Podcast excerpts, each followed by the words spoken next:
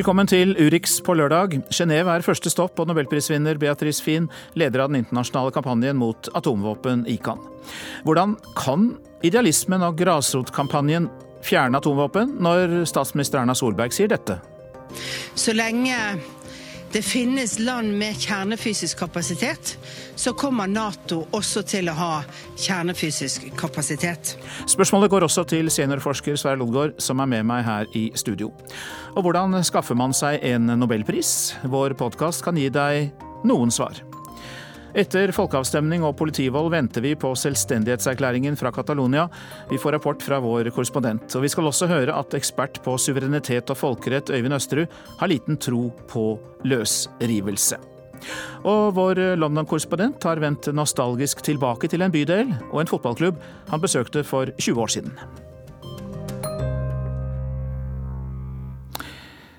Ja, her i eh, Urix på lørdag så går vi rett eh, til Genéve. Og Beatrice eh, Fien, god formiddag. Hei. Hvordan er følelsen dagen derpå, etter at ICAN og du for så vidt også har fått Nobelprisen?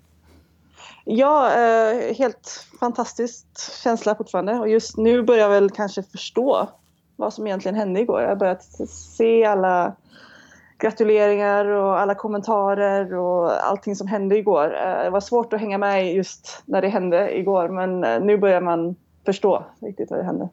Nå setter vi oss ned og skuer framover, tenkte jeg. For eh, hvor skal kampen mot atomvåpen stå nå? Jeg tror at nu, Vi har jo et avtale som forbyr kjernevåpen. Eh, som har nå precis bare noen uker siden åpnet for signering. Eh, nå er det dags å begynne jobbe for alle land å skrive på og ratifisere og se til at det her etablerer en ny sterk norm som gjør at kjernevåpen er, er uakseptable framover å ha. Vedtaket i sommer, 122 eh, land stemte for. Traktaten som 53 har skrevet under. Store seire for dere. Men ikke et eneste atomvåpen er blitt fjernet med det vedtaket? Nej, absolut inte. Men, men det, det, vi tror som att, att kärnvapen kommer bara bli eliminerade när vi bestämmer oss för att vi inte vill ha dem. Eh, på något sätt har vi försökt göra tvärtom. Eh, att vi säger att de är så viktiga för säkerhet men vi vill också göra oss av med dem. Och det, det känns att nå nedrustning så länge vi värderar de här som eh, extremt viktiga för vår säkerhet. Man måste göra ett avstamp och säga att de här vapnen är oacceptabla eh, och eh, bryter mot internationell lag och vi ska börja en process för att göra oss av med dem. Avtalet handlar inte om ensidig nedrustning eller att eh, bara vissa länder ska göra sig av med dem. Utan det handlar om att bara sätta en ny norm. Att de här vapnen, massförstörelsevapen som hotar att ha ihjäl hundratusentals civila, er ikke lenger akseptable. Fin, du blir med oss videre. Vi har også seniorforsker Sverre Lodgaard ved Norsk utenrikspolitisk institutt med oss. Velkommen til deg. Du har nevnt at Nobelkomiteen nærmer seg grasrota enda mer med denne tildelingen, eller omtrent noe sånt. Hva mener du med det? La meg først si at eh, det humanitære budskapet, det er, eh, det er klart, det er sterkt, universelt eh, og allmennmenneskelig. Det er drevet fram av det sivile samfunn, med ICAN i spissen. Så Beatrice, gratis. Heder og ære til deg og ICAN. Takk så mye. Så uh, begynte vi for uh, eh, 20 år siden å snakke om staters sikkerhet versus uh, folks sikkerhet. Den statlige sikkerheten den ivaretas typisk av regjeringsrepresentanter og statlige sikkerhetsbyråkrater, særlig på atomvåpenområdet. Mye av det foregår i lukkede rom. Natos kjernefysiske planleggingsgruppe er et godt eksempel. Og ICAN og det sivile samfunn har røsket litt opp i dette forbudstraktaten den er jo kommet fram som et resultat av samvirke mellom det sivile samfunn og regjeringsrepresentanter. Og jeg håper at det bærer bud om mer av samme i tida fremover. Finn, dere har representanter det er vel i over 100 land. Eh, hvordan skal dere bruke de lokalavdelingene videre for å bygge opp under det som Lodgård Eh, viser oss her, nemlig at det folkelige engasjementet er større enn det har vært eh, på en stund? Ja, absolutt. Jeg tror at uh, den nåværende situasjonen mellom Nord-Korea og USA har um, satt kjernevåpen i fokus igjen. Og det er nå en aktuell spørsmål eh, som mange har glemt bort siden kalde krigen kriget slutt. slut. Så jeg tror at det, er virkelig det her er så bra timing med det her priset For at vi har bygd opp det her, eh, den kampanjen. Vi har fått til et avtal och så har vi en stor kris eh, i världen just nu när eh, vikten av nedrustning är större än på länge. Så jag tror att vi verkligen har en otroligt bra grund for å skape en, en massrørelse i verden mot kjernvåpen og for nedrustning. Det er en kampanje, det er en uh, avtale, men likevel ikke et eneste våpen er fjernet. Og Lodgaard, uh, kan i det hele tatt uh, en fredspris som dette, en kampanje som dette, gjøre det vanskeligere å bruke atomvåpen, eller forholder atomvåpenmaktene seg helt upåvirket? Ja, Virkningen er langsiktig og kan gjøre det vanskeligere. Eh, som du sier. Eh, atommaktene eh, holder seg med atomvåpen og vektlegger deres betydning fordi de tror at disse våpnene har militær og politisk nytteverdi. Og den trua den er jo bundet, grunnfestet i den forestillingen at våpnene kan, kan brukes. Hvis de ikke kan brukes, så faller jo alt bort.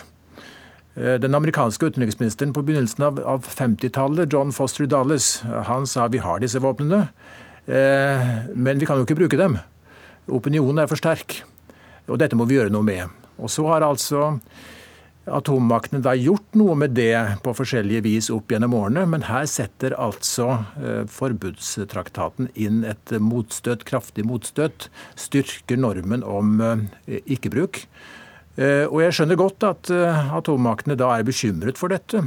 USA og andre har jo argumentert veldig heftig imot dette initiativet. Det bare viser at forbudstraktaten den biter på lang sikt.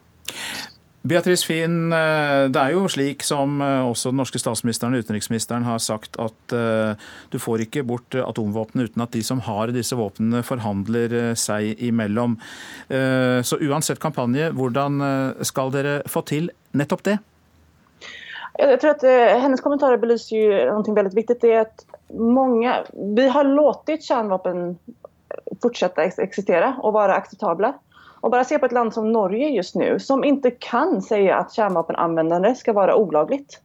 Om inte ens Norge kan avstå från kärnvapen, hur ska vi kunna begära att Nordkorea, USA, Ryssland, Kina.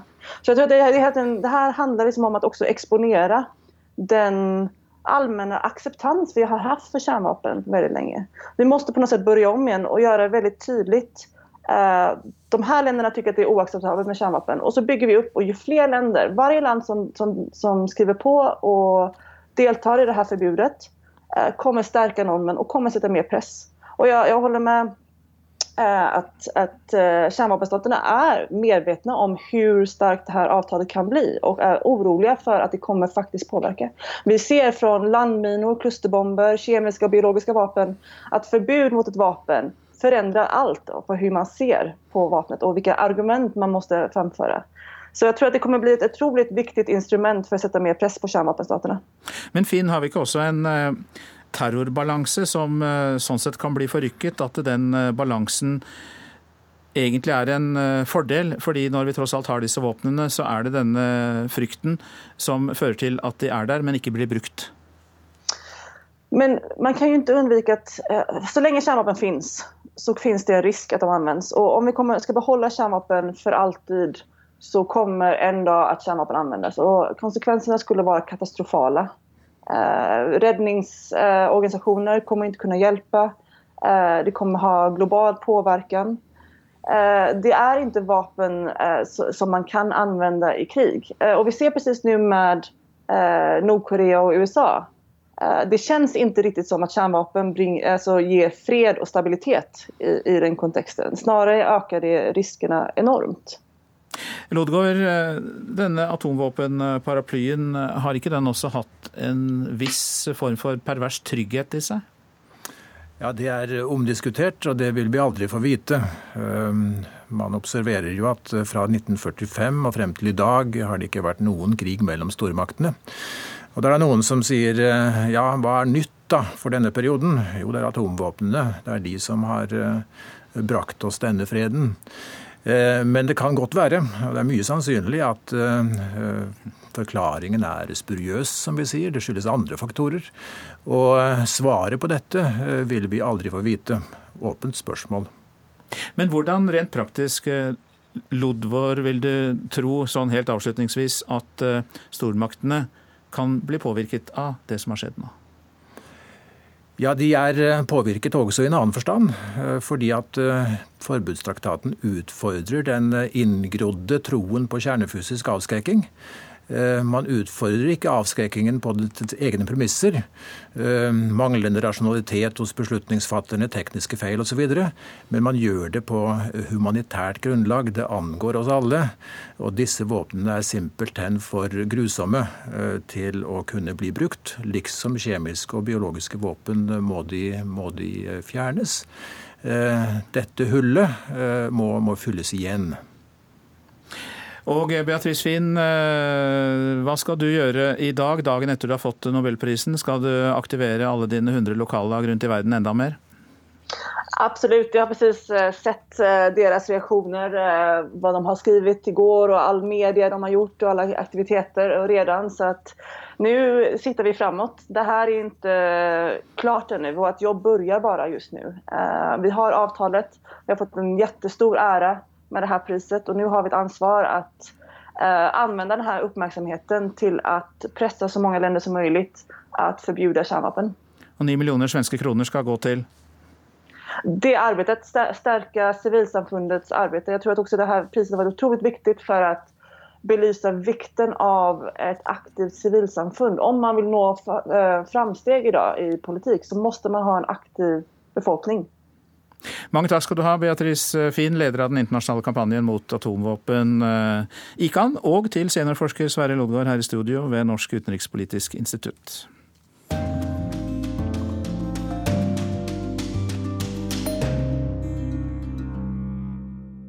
Spanias eh, grunnlovsdomstol har beordret suspensjon av møtet i Catalonias parlament eh, som var planlagt mandag. Det var meningen at selvstendighetserklæringen skulle vedtas der. Det er en knapp uke siden avstemningen da 90% stemte for løsrivelse fra Spania. Men eh, det var bare 43% av innbyggerne som møtte fram for å stemme. Vi har med oss korrespondent Philip Lote. Hva betyr dette at grunnlovsdomstolen i Madrid selvfølgelig har grepet inn mot parlamentsmøtet i Catalonia? Ja, Det er en første inngripen for å stanse en erklæring av uavhengighet, som da var varslet kunne finne sted eh, på mandag. Eh, det er sterke krefter i Catalonia, særlig eh, et av partiene lengst til venstre, som er støtteparti for, for, det styrende partiet, som ønsker å presse gjennom en uavhengighetserklæring nå. og Da grep grunnlovsdomstolen inn for å stanse det. De kunne ha gått lengre. De kunne, regjeringen i Madrid kunne bruke 155 Eh, artikkel 155 i Grunnloven og avsette hele eh, det regionale styret i Catalonia. Men det er mulig at dette tidligst skjer hvis de erklærer uavhengighet. Og nå er det ekstremt mye kjøpslåing, eh, forsøk på dialog, og det er tendenser til en viss splittelse. At de forskjellige uavhengighetsforkjemperne nå ønsker å gå litt forskjellig frem. Så det er mulig at kommer endre, bildet kommer til å endre seg litt i løpet av over helgen og de første dagene neste uke. Ja, Du ser jo dette bildet, Philip Lote. Hvordan vurderer du da sannsynligheten for at sentralregjeringen i Madrid tar over styret av Catalonia helt og holdent? Det er en mulighet for det dersom eh, parlamentet i Catalonia vedtar en eh, uavhengighetserklæring, så er det egentlig ganske sannsynlig. Det som nå taler Eh, til en viss grad imot det, er at deler av regjeringen i Catalonia nå sier at vi må legge mer vekt på dialog, bl.a. den ministeren i regionalregjeringen med ansvar for økonomi og handel. Eh, og Det henger ganske nøye sammen med at flere av de største katalanske eh, bedriftene og bankene nå eh, begynner å flytte sine hovedkontor ut av Catalonia. Dette er et annet statlig inngrep som gjør dette mulig. Det kom et dekret fra Madrid som, gjorde, som ga beskjed til de største bedriftene i Catalonia, som også er blant de aller største i Spania, om at hvis de nå pga. usikkerhet ønsket å flytte hovedkontorene sine ut av Catalonia, eh, så kan de gjøre det. og blant annet så Regionens største bank er i ferd med å flytte sitt hovedkontor til Valencia. Eh, sånn at eh, det er klart at Presset mot de regionale myndighetene i Catalonia er nå sterkt. De presses både fra de mest eh, overbeviste og hardeste uavhengighetsforkjemperne. Og de presses også av eh, lokalt og eget næringsliv, som ønsker en annen form for dialog, en annen løsning. Så det kan godt hende at denne erklæringen i parlamentet ikke finner sted. I første omgang nå så er den utsatt fra mandag til tirsdag, hvor den regionale presidenten Carles Puigdemont har bedt om å få møte parlamentet på tirsdag istedenfor mandag, i og med at møtet på mandag er oppløst før det fikk finne sted. Og så har jo du tidligere rapportert om at det er jo en stor andel av befolkningen som eh, ja, enten eh, forholder seg nøytrale eller er imot en løsrivelse. Men man ser jo ikke noe til dem på gater og torg. Altså, Gir de uttrykk for sin holdning på noen måte? Det er to grunner til at de ikke har vært eh, like tydelige. Eh, det ene er at da grunnlovsdomstolen i september slo fast at denne folkeavstemningen var i strid med spansk grunnlov, så ble det aldri organisert noe eh, nei-kampanje. Altså en, kampanje som sa nei til uavhengighet. Mens det ble organisert en ja-kampanje, altså de som ville bryte ut av, Spania. Så har det også vært en kritikk internt i Catalonia om at alle som talte for eller argumenterte for en mer moderat tilnærming. Eh, de som sa at de ønsket å bli i Spania, Eh, at de ble sett ned på, at de ble kritisert for å ikke være patriotiske nok, ikke være ekte katalanere. Og Det har gjort at mange istedenfor å rope ut sin uenighet, egentlig har vært stille. Men nå blir det mobilisert også fra den siden, og i dag så skal det være også i eh, Catalonia eh, demonstrasjoner mot uavhengighet, hvor tilhengerne av å bli værende i Spania nå mobiliserer. Og så er det dette med om frontene er like steile eller ikke ikke. Eh, du nevnte jo at det er jo ting som skjer, og en annen ting som kom i går, var jo denne unnskyldningen fra den spanske regjeringen eh, til de som ble skadd i sammenstøtene med politiet. Det tok sin tid, men den kom. Kan det også da ses på som et første forsiktig tegn på eh, en slags forsoning, da, eller ønske om forsoning? Og meget forsiktig også. Det var ingen uforbeholden unnskyldning. Det var en unnskyldning til de som hadde blitt skadd. Men samtidig så sa da Madrids eh, talsmann i Catalonia eh, at eh, katalonske, katalonske, myndigheter selv hadde et ansvar for eh, det som hadde skjedd, og han trakk også i tvil tallet på sårede. Så det var en meget forsiktig unnskyldning. Den kom sent, men den kom, og så får vi se om, hvordan den spiller inn i ønsket om å ha en dialog, som da begge sider sier at de ønsker. Problemet er jo at Eh, regionalmyndighetene i Catalonia sier at de ikke vil gå inn i en dialog, med mindre eh, de får de, de, ønsker ikke å sette til side folkeavstemningen de har hatt. De sier at den tar de med seg inn i en dialog, og at den er gjeldende. Mange takk skal du ha, korrespondent eh, Philip eh, Lote. Og dette med folk og regioner som vil løsrive seg, det gir vi ikke helt slipp på ennå. Catalonia er jo ett eksempel, andre er Skottland og Flandern i Belgia og kurderne. Men hva sier så folkeretten? De som vil eh, løsrive seg, bruker begrepet folkenes rett til selvbestemmelse, formulert i FN-pakten av 1945. Jeg har snakket med professor Øyvind Østerud ved Universitetet i Oslo, som er spesialist på regimeendringer og suverenitet. og jeg spurte hva vi egentlig kan lese ut av FNs pakt eller charter. Altså det er den veldig diffuse formuleringen i FN-charteret som heter 'folkenes rett til selvbestemmelse'. Eh, den ble opprinnelig veldig mye omdiskutert etter 1945, på 1950-tallet. Ingen visste helt hva det betød. Hvem er folk? Hvem er folkene? Kan hvilken som helst gruppe bare definere seg selv som et folk, og så komme og kreve rett til selvbestemmelse? Eller hva er det for noe? Er det, er, det, er det, samene på Nordkalotten? Er det indianere i, i Nord-Amerika? Hvem er det egentlig som er et folk? Og så ble en da etter hvert, gjennom 10-15 års debatt, enige om at nei, et folk det er enten befolkningen innenfor etablerte stater, eller så er det befolkningen i koloniområdene på den andre siden av havet. Det er det FN-pakten mener. Fant den ut gjennom en resolusjon. Jeg har til og med datoen 14.12.1960 og som sier at de eneste som kan rive seg løs fra moderlandet, det er kolonier på den andre siden av havet. Eh, og hvis noen andre skal gjøre det, så må det skje gjennom forhandlinger mellom begge parter. Altså moderregjeringen må være enig eh, gjennom en forhandlingsløsning. Det er ikke noen annen vei for rettslig og politisk. Eh, og det har sammenheng med at hvis delområder som Catalonia eller eh, Baskeprovinsene eller kurderne eller andre fikk rive seg løs, så har det liksom ingen ende mener de etablerte statene. Da ville den ene gruppen etter den andre komme og kreve det samme. Eh, og så går statssystemet litt i oppløsning. Og Derfor har de dette prinsippet om statenes territoriale integritet, som det heter. Eh, ingen løsrivelse med mindre begge parter er enige. Tror du det også blir løsningen her? Ja, jeg tror det blir løsningen her. Baski-provinsene har oppnådd det. De har mer indre selvstyre enn Catalonia. Eh, dette dreier seg jo mye om økonomiske overføringer til sentralregjeringen. Eh, Catalonia er den rikeste delen av Spania. Eh, Barcelona er en motor i spansk økonomi. Det er en av grunnene til at Spania holder veldig tett på det. Men de er også redde for smitteeffekten over til Baski-provinsene, over til Galicia og andre deler av Spania. Eh, og, og katalanerne vet nok at dette har de ikke internasjonal støtte for. Men de håper vel antagelig å kunne presse den spanske regjeringen mest mulig. Eh, om de ikke får fullt, eh, full, full uavhengighet, så får de et mer vidtgående indre selvstyre. Det er det de håper på, antagelig. I det grenseløse Europa så burde det vel ikke være noe problem at uh, noen regioner ønsker seg eh, selvstendighet. Det betyr liksom ikke så veldig mye om uh, Catalonia er en egen stat, eller om den er en del av Spania, i og med at vi har det grenseløse Europa med, innenfor EU. Ja, det, det, bidrar til å dempe situasjonen litt, men, men, men statene har stor betydning likevel. Altså, store deler av skattleggingen er statlig. De har en felles utenrikstjeneste, en felles utenrikspolitikk innad i de enkelte stater. Det er mange viktige saksområder, også Forsvaret, som er unndratt eh, fellesløsningene i EU, hvor landene må være enige. Og på veldig mange av disse områdene så, så er statene fortsatt viktige, også innad i EU. Du kaller i en artikkel løsrivelsesstrevet i Europa for de rikes eh, oppgjør. Hvorfor det?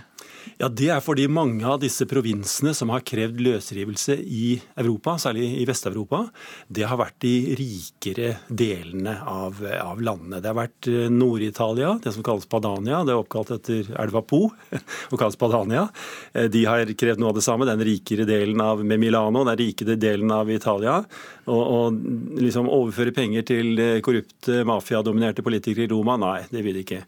Så, så, der er det en sånn bevegelse. Leganor, som, som partiet heter, står hardt på dette. Eh, Catalonia er noe av det samme. Rikere delen av, av Spania vil ikke overføre til, til, en regjering de ikke har eh, tillit til. Eh, Baskeprovinsene, noe av det samme. Vært en industriell motor i Spania gjennom lang tid. Ikke akkurat nå lenger, kanskje, men, men de har vært det. Belgia også, så, og Belgia noe det, er noe av det samme i Belgia.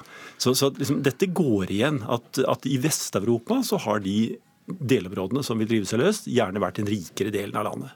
Fordi de protesterer mot overføringer til, til fattigere deler som de ikke har all verdens tillit til. Dette er jo også gamle, Noen av disse er jo også gamle stater. Altså Catalonia var jo selvstendig en gang i historien, før, før begynnelsen av 1700-tallet.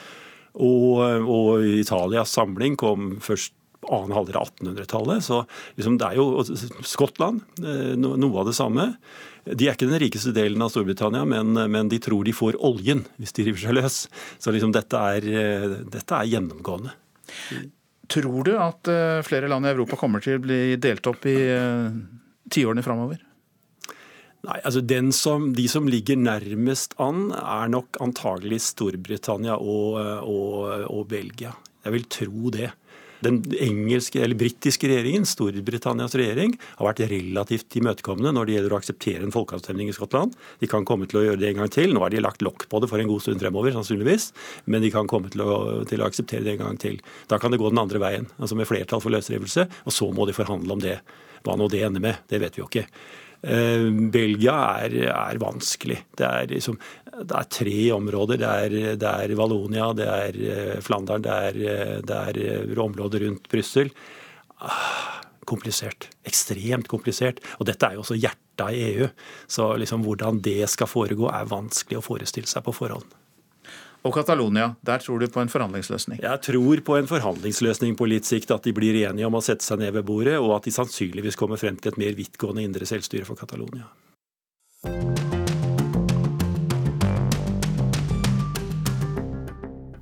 Og eh, ukens podkast hører også med her i Urix. Den skal eh, også handle om nobelprisen.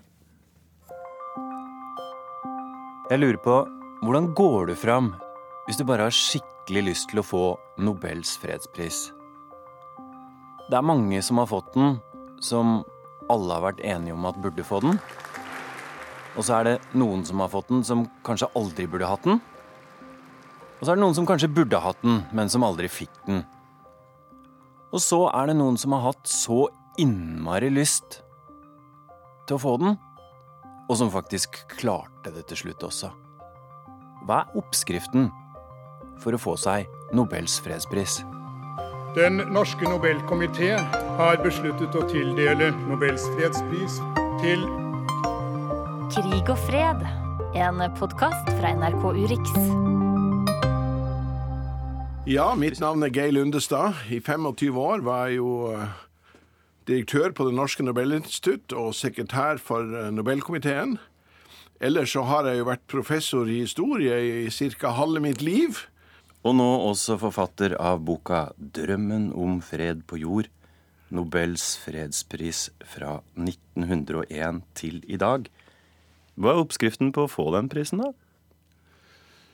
Eh, Jeg tror ikke det bare er en oppskrift. Noen er veldig radikal. Eh, Noen er ganske konservativ. Men altså, man gir prisen til de som jobber for menneskerettigheter. Man gir prisen for humanitært arbeid. Ja, man gir prisen for eh, nedrustning. Ja, man gir prisen for å bygge internasjonale institusjoner. Etter hvert har man jo også gitt prisen for miljøarbeid. Så det er mange ulike veier til fred. Det er vel noen som har veldig lyst til å få denne prisen nå? Ja da, det er jo eh, mye levende og spetakkel rundt prisen, og en del eh, lobbyvirksomhet er det. det. Jeg er helt sikker på at hvis du gransker komiteens historie i de 116 år, så kan du se eksempler på at lobbyvirksomhet førte frem. Vilde Eliassen heter jeg, er journalist i NRK Nyheter. Og jobber mye med Nobel. Ja, det har jeg gjort i mange år. Eh, Og så var jeg, eh, lenge før jeg begynte her, å jobbe med dette selv, så var det fast at jeg var med pappa da han skulle kommentere under utdelingsseremonien i Oslo, rådhus. Det var svært stor interesse da Nobelkomiteens nye leder skulle fortelle at for sjuende gang skulle Nobels fredspris gå til en person fra Asia. Så satt jeg i den kommentatorboksen sammen med han. Hvor gammel var du da? Nei, det er fra jeg var ganske liten, altså. Eh, tja, når kan det ha vært? I 10-12-årsalderen, tenårene. Den norske Nobelkomité har bestemt at Nobels fredspris for 2000 Du er Ja. nærmest fostra opp på Nobelprisen. Ja, jeg eh, hadde vel kanskje blitt gjort arveløs hvis ikke jeg hadde fattet en viss interesse for dette feltet. skal tildeles Kim Da-Jong for hans arbeid for demokrati og menneskerettigheter i Sør-Korea og i Øst-Asia generelt, og for fred og forsoning spesielt med Nord-Korea. Fredsprisen i 2000. 2000. Til eh, Sør-Koreas president Kim Dae-jung. Han hadde Eh, veldig lyst på den Han hadde veldig lyst på den prisen. Eh, og er blitt omtalt som den gladeste fredsprisvinneren noensinne. Eh, og det har aldri lagt, blitt lagt skjul på at han hadde veldig lyst på denne fredsprisen lenge. Eh, lenge før han fikk den. Helt siden 80-tallet har vært snakk om at han hadde det som et mål og ville jobbe for. Um, han hadde jo en, en skal vi si, bemerkelsesverdig historie. Eh, sittet, han ble omtalt som eh, Asias Nelson Mandela. Han hadde sittet fengslet i mange år, levd i eksil, vært utsatt for flere drapsforsøk. Um, Og så ble han president i Sør-Korea til slutt. Og det er klart at som president, eh, som en statsleder, så rår du jo over eh, ressurser som en, si, en grasrotsaktivist ikke rår over. Eh, både i form av personer og i form av penger og system. Han starta en kampanje, han, rett og slett. Rett og slett. Stikkordene i denne historien er jo både liksom etterretningsagenter, middager, lunsjer, flyreiser på første klasse. Eh, Det fantes et eget kontor i Sør-Korea som jobba for at Kim Da-Jung skulle få Nobels fredspris. ja, utelukkende med det som, eh, som mål. Hva het det kontoret? Det fikk også dekknavnet Office of External Cooperation Aid. Eh, som jo ikke tilsynelatende skulle ha noe med Nobelprosjektet å gjøre i det hele tatt. Eh, dette kontoret ble lagt under etterretningstjenesten NIS i, eh, i Sør-Korea. Og lederen for dette arbeidet flyttet etter hvert inn i det som kalles Det blå huset, som er presidentpalasset i Seoul, eh, og ledet arbeidet derfra. Denne fredsprisutdelingen i år har altså laget større bølger rundt i verden enn noen gang tidligere. Eh, hvilke fredspristildelinger har vært de viktigste, som du ser det? Kanskje den beste tildelinga noen gang var også den mest kontroversielle som noen gang har vært. Carl eh, von Ossietzky han fikk prisen eh, for 1935 da. Han var symbolet på motstand mot Hitler. Men det, det var egentlig noe helt nytt. At man gikk til direkte angrep på eh, krigiske personer og ideologier. Den norske Nobelkomité har besluttet å tildele Nobels fredspris for 1993 til Nelson Mandela. Prisen til Nelson Mandela eh, i 1993 må vel kunne nevnes da. Det er et navn mange kjenner, og en tildeling som var veldig velkommen. Vakte stor begeistring, var bejublet. For så vidt også prisen til Equalesa i 1983 er det mange som trekker fram. Årets fredsprisvinner, Lech Valenza. Som viktig, og som noe som eh, også startet en, en prosess som, som ble avsluttet med fredsprisen til Mikhail Gorbatsjov. Skal tildeles Mikhail Sergejevitsj Gorbatsjov. Min første prisvinner det var jo i 1990 med Gorbatsjov. Og jeg må jo også si at ekteparet Gorbatsjov de tar utvilsomt prisen for det mest romantiske ektepar. Altså, de var så glad i hverandre at det var helt utrolig. Altså, vi skulle, skulle rundt omkring i Oslo og kjørte bil og sånne ting. De satt alltid i baksetet og holdt alltid hverandre i hendene. Og det var, eh, det, det var rørende å se på hvor nært de var. Men tilbake til fredsprisen i eh, året 2000 og til deg, Vilde Helgesen. Hvordan gikk egentlig dette hemmelige kontoret til Kim Da-Jung fram for å påvirke medlemmene av den norske Nobelkomiteen? Det de skjønte, var at ok, vi kan ikke betale for prisen, vi kan ikke kjøpe den. Vi kan ikke um, utsette, eller vi kan ikke få med komiteen for, på ren korrupsjon. Um, så det vi må gjøre, er at vi må forsøke å arbeide oss inn i deres hjerter og hjerner, som de omtalte det som. Hvordan gjorde de det, da? Det var en veldig omfattende prosess. De plasserte ut etterretningsagenter på ambassaden her i Norge, som under dekke av å være diplomater. Sør-Koreas ambassadør her i Norge fikk også liksom som mandat å skulle berede grunnen for Kim Da-jung som fredsprisvinner. De sier selv at de pekte ut to hovedmål. Eh, det ene var Gunnar Stålsett, som på den tiden var medlem i eh, Nobelkomiteen satt der i mange år. Han var samtidig biskop i Oslo. Og det andre målet var Geir Lundestad. Og det jo Stålsett og Lundestad ikke visste, var at det ble jo tatt eh, nitidige notater fra disse møtene. De ble loggført, og alt ble sendt tilbake til si, hovedkontrollen i Seoul. Og så ble Gunnar Stålsett invitert til Sør-Korea, ikke i egenskap av å være medlem av Nobelkomiteen, men i rollen som biskop i Oslo. Igjen så var det jo disse sørkoreanerne veldig flinke til å arrangere noe i dekke av noe annet. Han ble invitert dit for å delta på en konferanse eh, om eh, økonomi og demokrati. Ble fløyet inn, han og kona, på første klasse. Ble tatt imot som VIP-gjester. Hele oppholdet ble betalt av sørkoreanske myndigheter. Han deltok på konferansen. Men dette ga jo eh, en mulighet også for å få i stand et uoffisielt møte mellom presidenten, mellom Kim Dae-jung, og Gunnar Stålsett under dette besøket. Eh, og i Etterretningstjenestens arkiver så ligger det jo faktisk en takkemail fra Gunnar Stålsett, eh, hvor han takker for besøket og skriver at det var utvilsomt møte med Kim Dae-jung som, som står igjen som høydepunktet, som var det som gjorde mest inntrykk på han. Og Kilden til at denne historien i det hele tatt har blitt kjent, er altså en avhopper fra den sørkoreanske etterretningstjenesten. Han tok med seg en masse dokumentasjon til USA, og har også gitt ut en bok om denne saken. Men du har jo snakka med denne avhopperen sjøl. Mm. Hva sier han da? Han er jo veldig tydelig på, på at uh, dette var uh, et av de største bedrageriene i historien. Han sier jo rett ut 'vi lurte Nobelkomiteen'. De opplever jo selv at de tok en egen vurdering uh, og en egen avgjørelse. Eh, hva sier eh, de som var involvert eh, den gang da eh, på norsk side, og som ble utsatt for denne påvirkningen? Hva sier de i dag, da? Vi snakket jo med Gunnar Stålseth da disse opplysningene kom fram, da vi jobbet med, med dette i, fjor. Og, han sier jo at dersom Nobelkomiteen hadde visst da, altså i 2000, det de nå vet, etter disse opplysningene som har kommet frem, så hadde Kim Dae-jung aldri fått fredsprisen. Jeg har jo vært i Sør-Korea flere ganger, og jeg møtte jo Kim Dae-jung diverse ganger. Og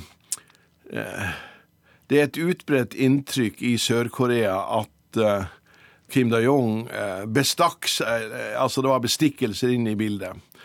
Nobelkomiteen mottok selvfølgelig aldri fem øre, men det har jo kommet frem at han betalte indirekte, da. Det var jo de store sørkoreanske selskapene som betalte til Nord-Korea for å få til dette toppmøtet, da.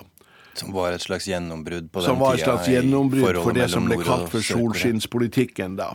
Jeg ble intervjua på den største fjernsynskanalen i Sør-Korea i tre kvarter, og alle spørsmålene handla om eh, om det hadde vært korrupsjon inne i bildet når Kim Dae-jung eh, fikk prisen da.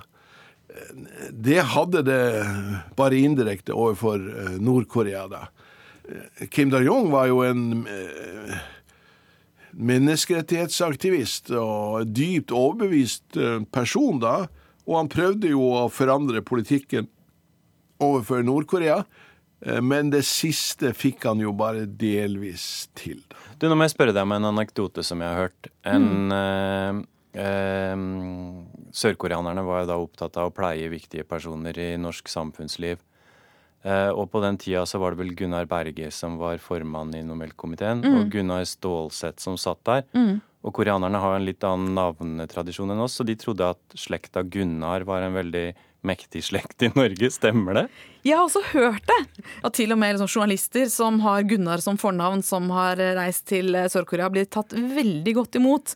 Eh, nærmest som VIP-gjester. Fordi, eh, fordi, man har trodd at eh, liksom, denne Gunnar-klanen har en viktig posisjon i, i Norge. Det kan jo ha vært noe der. Uansett en god historie. Never check a good story. Nei, sant.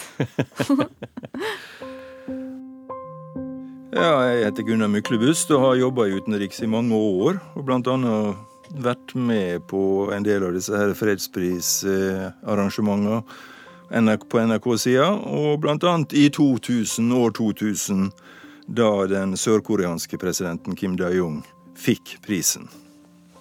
For da var det du som intervjua han for NRK, Gunnar? Ja, da hadde vi en ordning med at NRK fikk et eksklusivt intervju med prisvinneren hvert år, og det var min tur det året. Da Kim skulle få for sin solskinnspolitikk overfor Nord-Korea. Og der nede så sto da NRKs lille team klar utenfor døra. og det, det, var no, det, var noe merkelig med den stemninga i korridoren. For jeg merka enkelte av de der koreanske stabsfolka de så liksom bortpå meg og med en slags nysgjerrighet og en ja, nesten sånn ærefrykt. og et eller annet var i, i, i kjømda, følte jeg. Og så kommer da en av de bort til meg og spør veldig forsiktig på sitt eh, engelske vis. Are you related to Mr. Gunnar Berge? Eller Belge, sa han vel altså da. Og jeg må jo si jeg ble ganske proff. Eh, jeg måtte jo med en gang da prøve å sette meg inn i tankegangen her, at det her hadde de kommet til Norge, og der var det en Gunnar Berge som var leder av komiteen, Nobelkomiteen, og det var en Gunnar Stålseth som var nestleder. Så denne her mektige Gunnar-slekta i Norge, den hadde tydeligvis posisjoner. Og så kommer altså da NRKs representant også og heter Gunnar. Så jeg måtte raskt ta meg inn igjen, og jeg må si at jeg, jeg, jeg syns ikke det var min jobb da å eh, svekke inntrykket av at nepotismen, at nepotismen sto, sto eh, sterkt i Norge, så jeg sa liksom Oh yes, of, of course. Uh, not very close, but yes, yeah. Oh yes, yes, yes. Hva med de verste fredsprisene, da? Det har egentlig gått eh, ganske bra. Eh, eh, det er én klar unnlatelsessynd. Eh, det var at Mahatma Gandhi, den store talsmann for ikke-vold i det 20. århundre, aldri fikk prisen. Det er jo vanskelig å forsvare. Eh, Det høres komiteen- veldig rart ut. Hvis ja, du skal forestille deg et bilde på fred, så, Ja. det ikke så tar det ikke så lang tid før bildet av en uh, skalla inder i hvite klær og sandaler og runde briller dukker opp. Nei, Jeg har jo vært i India og snakka om dette her. Å, du store min. Når jeg da presenterer det sånn som dette her, da blir jeg bombardert med innlegg og e-poster og sånn. Dere må gjøre noe med det! Du innrømte jo at dette var en feil. Den store unnlatelsessynd. Men nå kan vi jo ikke gi prisen til døde personer, så det vil for alltid eh, forbli en del av no, eh, fredsprisens rulleblad at Gandhi ikke fikk prisen. Den 23. januar dette år ble en avtale om våpenhvile inngått mellom Amerikas forente stater og Den demokratiske republikk Vietnam. 1973, hvis vi går tilbake til da, når du har da to fredsprisvinnere som skal dele prisen, og den ene sier at han ikke vil ha den, nekter å ta den imot, og den andre ikke møter opp til eh, utdelingsseremonien i Oslo rådhus, sender en annen i stedet for, da er vel det et forholdsvis sikkert tegn på at denne kanskje ikke traff helt spikeren på hodet. Minn oss om hvem som fikk fredsprisen i 1973 igjen. Det var da altså USAs utenriksminister eh, Henry Kissinger og den eh, nordvietnamesiske forhandlingslederen Lø Dyk To som eh, fikk prisen fordi de hadde forhandlet fram en våpenhvileavtale i Vietnamkrigen. Men umiddelbart etter tildelingen så gjorde jo da Lødig det klart at han ville ikke ha prisen. For han mente ikke at det var eh, fred i Vietnam, så han opplevde at det ble helt eh, Det var vel ikke fred i Vietnam heller? Nei. Nei, det, prisen i 73 førte, førte ikke til fred i Vietnam. Var det da en mislykka pris? Eh, ja, den var i hvert fall ikke blant de mest eh, vellykkede. Altså, du kan ikke ta fredsprisen fra noen. Hvis du først har fått den, så er det din eh, for evig og alltid.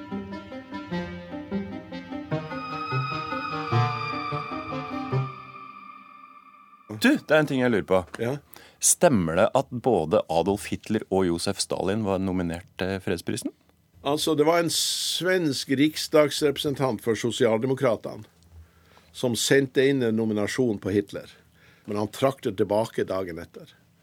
Ja, Var det en spøk, da, eller? Ja, Familien eh, som var beskjemma over dette, de påsto at det var et spøk. Og jeg har et brev eh, liggende eh, et eller annet sted der eh, de sier at nei, han, eh, dette var ikke alvorlig ment. Så, så det, dette var Hitler. Men Stalin, eh, han, han ble nominert. eh, så, men det er veldig lett å bli nominert til eh, Nobels fredspris. Det, Ja, hva kreves? Nei, ingenting annet enn at uh, en person med forslagsrett da sender inn et brev. Da kommer du automatisk på lista. Og da blir du vurdert? Ja øh, Den enkelte vurderinga går jo veldig fort, da. Smiles det rundt bordet, og så uh, skjer det ikke noe mer. Så går man videre. Hva er det rareste forslaget du har fått inn, da? Å nei, der, det er beinhard konkurranse. Det, der er mange vismenn fra India og Jeg pleier å si at kanskje det rareste var uh, forslaget på Michael Jackson.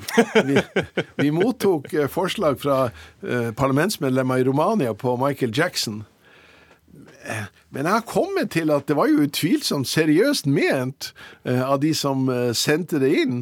Men hva var begrunnelsen? Nei, Begrunnelsen var helt seriøs. At han gjennom sin virksomhet og sine sanger hadde bidratt til fred i verden. Et utvidet fredsbegrep der, altså? Ja, i aller høyeste grad. Det Ja. Ja, Nå burde vi nesten spilt ei plate. ja, det er opp til deg. Du kan, du kan gjøre hva du vil. Ja.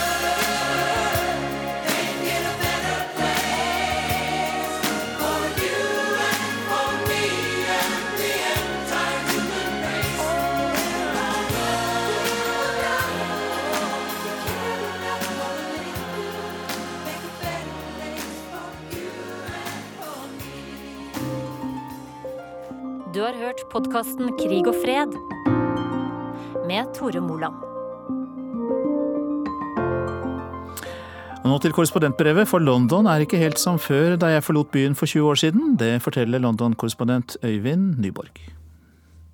Jeg sitter på T-banen på vei til Londons tjukkeste østkant. I lomma har jeg billett til et av høstens fotballhøydepunkter, når Westham møter Tottenham i et prestisjetungt lokaloppgjør. Det er bare én uke siden jeg flyttet til London som NRKs korrespondent, og jeg suger inn alle inntrykk jeg kan få. I et forsamlingshus i Westhams kjerneområde møter jeg tilhengere i mørkerøde drakter fra ulike årganger. Det heter Eastham Working Man Social Club. Bare smak på ordet. Det er ingen tvil om at vi befinner oss i et gammelt arbeiderstrøk. Husene er nedslitt, de lokale forretningene likeså. Fotballklubben sprang ut av miljøet rundt skipsverftene nede ved Themsen i 1890-årene. Folk her er stolte av klubbens lange tradisjoner og av nabolaget sitt. Jeg har bodd i London før, men det er snaue 20 år siden. Jeg var 25 år og journaliststudent på Englands journalisthøyskole, ikke langt fra avisgaten Fleet Street. Men London er i endring. Nå er Westhams gamle stadion Boiling Ground rett borti gaten jevnet med jorda. Borte er nesten 100 år med Londons historie. 50 år av livet mitt er borte, sier Martin Gales og blir blank i øya. Faren min tok meg med på kamp her første gang i 1965, men den første kampen jeg husker noe av, var mot Newcastle i 1968, forteller han. Men østkanten skulle rustes opp til OL i 2012. Blant skyskraper og et moderne kjøpesenter har laget nå fått sitt nye stadion i Stratford, noen kilometer unna det gamle nabolaget der den gamle stadion sto. Den tar 60 000 tilskuere og ble tatt i bruk i fjor. Men hardbarkede Westham-tilhengere liker ikke den nye utviklingen. Billettprisen er skrudd opp, og nå får de ikke lenger lov til å stå på tribunene som de gjorde i gode gamle dager. Det vil si, Vaktene prøvde å få dem til å sitte ned, men har ikke klart det. Akkurat nå er det våpenhvile. Supporterne står fortsatt. Jeg har ikke ord for det. Det er blitt noe sterilt over det hele, sier Martin. Nå skal man tekkes middelklassen og de utenlandske supporterne. Klubben skal håve inn mer penger, sier han. Noe av det samme har skjedd med London-klubbene Arsenal og Tottenham. Begge lag har fått nye arenaer. Jeg bodde ikke langt fra hjemmestadionene til de to Nord-London-lagene i min forrige periode som London-beboer. Både Highbury og White Hart Lane var så intime at tilhengerne kunne rope til spillerne så de hørte det. Jeg husker en gang på Highbury en gutt som ropte og ropte på keeperen David Seaman. Seaman! Seaman! Til slutt måtte keeperlegenden bare snu seg og se opp på tribunen. Det var da det kom fra gutten. Du suger. På Eastham Working Men Social Club har de besøk av en gammel storspiller. Mark Ward var bestemann i 1986 og har skåret 165 mål for klubben, som også har hatt flere norske spillere, blant dem John Carew fra Lørenskog. Vi gikk ut på banen og blødde for trøya den gangen, sier Mark Ward fra scenen, og nostalgien varmer publikum. Selv om Martin Gales og kameratene hans syns alt var bedre før, er de selv en del av en stor samfunnsendring i Storbritannia. Alle unntatt én i gjengen hans av fotballsupportere har flyttet ut av den litt slitne bydelen og til et rekkehusområde i Essex i utkanten av London. Det var et steg opp på samfunnsstigen de tok for 20 år siden. Inn i de typisk engelske, men små og nedslitte tre etasjers smale husene i Westhams kjerneområde flyttet det inn folk med utenlandsk bakgrunn i stedet. Arbeidsledighet og sosiale problemer ser ut til å forfølge bydelen, selv om befolkningssammensetningen er annerledes nå enn før. Det nærmer seg kampstart, og sammen med tusenvis av fotballtilhengere beveger vi oss mot stadion. En halvliter på The Carpenters Arms er et must for mange. Westham-sangen runger i lokalet. Ingen husker helt hvorfor Westham synger akkurat den sangen, eller hva sangen handler om, men de synger av full hals for det. I Am Forever Blowing Bubbles ble tatt i bruk av Westham-fansen allerede på 20-tallet, og er nesten like kjent som Liverpool-sangen You'll Never Walk Alone. Alle her vet innerst inne at Tottenham er et bedre lag. Rundt de små bordene blir det diskutert faren ved å få et tidlig mål mot seg, for da er det kjørt. Det lukter frityr og eddik.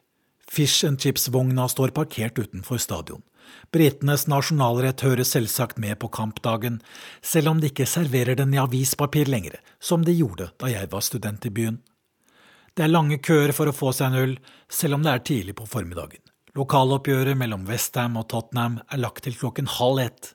De fleste her tror det er fordi man vil unngå at supporterne av begge lag blir for fulle og klare for å slåss. Sist jeg bodde i byen, var det slåssing i forbindelse med kampene nesten hver helg. Noen ganger gikk det så voldsomt for seg at politiet måtte rykke inn med store styrker. Tungt bevæpnede politifolk patruljerer utenfor stadion. Pansrede kjøretøy står klare. Det samme gjør politi til hest. Fotballsupporterne tvinges inn gjennom en sluse. Bager og vesker blir gjennomsøkt, og vaktene skanner deg som på flyplasser. I fjor kunne vi bare gå rett inn, men sånn er det ikke lenger, blir jeg forklart. En eller annen idiot kan ha kommet inn med bombebelte, sier han. Så langt i år har 36 mennesker blitt drept og rundt 150 mennesker skadet i terrorangrep i Storbritannia. For kort tid siden gikk det av en hjemmelaget bombe på et T-banetog på Parsons Green sørvest i London. Det er bare tre stopp fra mitt nye hjem, og det får meg til å tenke. Slik var det nemlig ikke rundt århundreskiftet, da jeg bodde i byen sist. Og IRA-bombene som en gang terroriserte hovedstaden, var den gang et tilbakelagt kapittel. Vi kan ikke ta det innover oss, det er bare å gå videre, sier en røslig kar i Westham-trøye. Jeg følger etter inn på stadion. Det koker der inne. Med begge armene over hodet synger Martin og titusenvis av andre fans sangen igjen. Noen blåser såpebobler. Det er en intensitet på kampene i Storbritannia som det ikke du får hjemme. Den gode stemningen varer helt til Tottenham skårer sitt første mål. Hjemmelagets fans mener det var offside. En mann reiser seg opp og gjør promiskuøse bevegelser med høyrehånden, mens han skriker til linjedommeren at han skulle hatt juling. Han er ildrød i ansiktet av sinne. Få minutter etter skårer Tottenhams store stjerne Harry Kane igjen. Det står 2-0, og Martin og de andre Westham-tilhengerne er sjokkskadd. Det blir stille på tribunene. Bare Tottenham-tilhengerne bak det andre målet jubler og synger sine fotballsanger. En gutt i tiårsalderen og en jente på rundt tolv sitter på benken nedenfor meg. Mellom dem sitter faren deres bøyd fremover mot banen. Ut av munnen hans kommer det bare enstavelsesord av den grove sorten, for det meste et lite pent ord for det kvinnelige kjønnsorgan. Guttungen med Westham-trøye vrir seg i stolen over farens utbrudd. Det er en hard skole å gå dersom han skal bli vaskeekte fotballsupporter i Storbritannia. Fotballgalskapen går i arv. Jeg ser rundt meg. Det er flere barn og unge her nå enn jeg kan huske det var på kampene før. På guttedoen er det lange køer av mannfolk som er tissetrengt etter all ølen, men det er òg lagt til rette for de yngste, som står i en egen kø til et pissoar som er hengt oppe på veggen i passende barnehøyde. Kanskje har også det tradisjonelle britiske samfunnet blitt mer likestilt. I dag har nemlig Martin tatt med seg datteren sin på kamp for aller første gang. Han har hatt sjansen i 33 år, men det har liksom aldri blitt sånn. Jeg spør han hvorfor han ikke har gjort det før. Det var andre tider. Det var ikke noe tradisjon for jenter på kamp. Fotball var en mannsgreie, sier han. Bygningsarbeideren fra Westham sier også at det var en annen viktig grunn. Vi hadde ikke råd, og måtte jeg velge, så ble det å ta med broren i stedet. Datteren Cara aksepterer at det var sånn det var. Etter dagens kamp har hun fått lyst til å fortsette å se farens lag spille. Det var litt underlig å være på kamp for aller første gang. Jeg er jo vokst opp som Westham-supporter, men uten å ha sett dem spille på ordentlig, sier hun. På tribunen er det igjen trøkk. Westham våkner til live og har skåret to mål. Håpet er tent etter at bortelaget mistet en mann til rødt kort, og dommeren legger til noen minutter. Men Martin og de andre Westham-supporterne må gå slukøret hjem fra stadion med to mål mot tre. Men man går bare ikke rett hjem fra kamp. Ikke nå, og ikke da. Veien går til en pub i Westham High Street. Interiøret er brunt, og vegg-til-vegg-teppet som en gang var rødt, likeså. Det lukter svette og øl. Sorgene etter tapet skal slukkes. Samme lørdag starter Labour-landsmøtet i Brighton. Arbeiderpartiet gjør det bra på meningsmålingene, og jeg tenker at jeg skal spørre østkantfolket litt om hva de tenker om politikk. Men jeg får meg ikke til å gjøre det. På høyttaleren runger gamle Madness-slagere. En pint koster 2,5 pund, eller rundt 28 kroner. Kanskje er det noe i det folk sier om at ikke det blir revolusjon i Storbritannia før man tar fra folket fotballen og ølet. Hele uka girer vi oss opp til helgens kamp, det er det som er livet, sier Martin. Mye har endret seg i London de siste 20 årene, men det er noe som alltid består. Lidelsen er en del av poenget med å være fotballtilhenger. Det er hardt å være Westham-fan, sier Martin Gales. Altfor hardt. Og du har hørt eh, Urix på lørdag ved teknisk ansvarlig Finn Lie, produsent Tom Ingebrigtsen og Øystein Heggen i studio.